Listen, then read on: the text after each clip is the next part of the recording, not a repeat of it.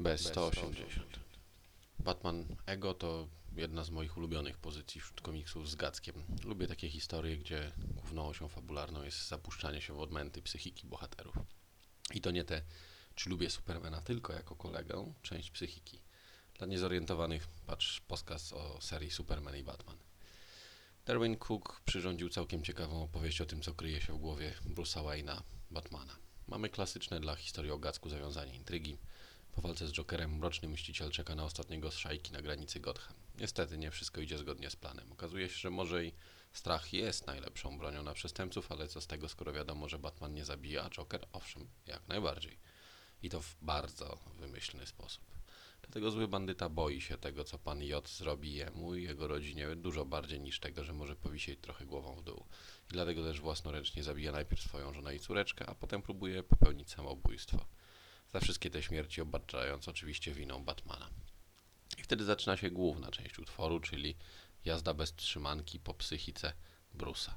Cały ten komiks to w sumie dialog dwóch postaci na temat tego, kto czym jest i dlaczego. Człowiek, Bruce, kłóci się z Batmanem, ideą, symbolem, mrocznym demonem, żądnym krwi i wolnej ręki w działaniu. Ciemna strona psychiki proponuje tej ludzkiej układ.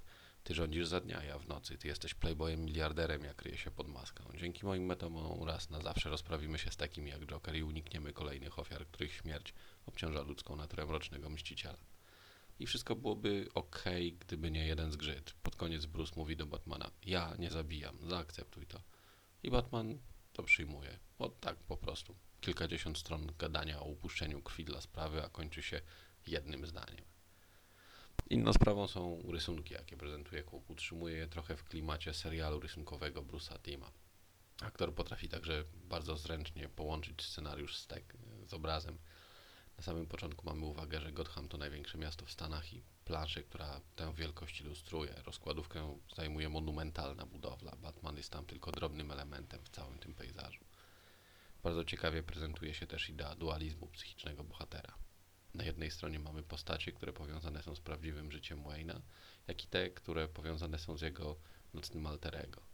I wszyscy oni wypowiadają kwestie, które łączą się w jedno długie, wielkie zdanie.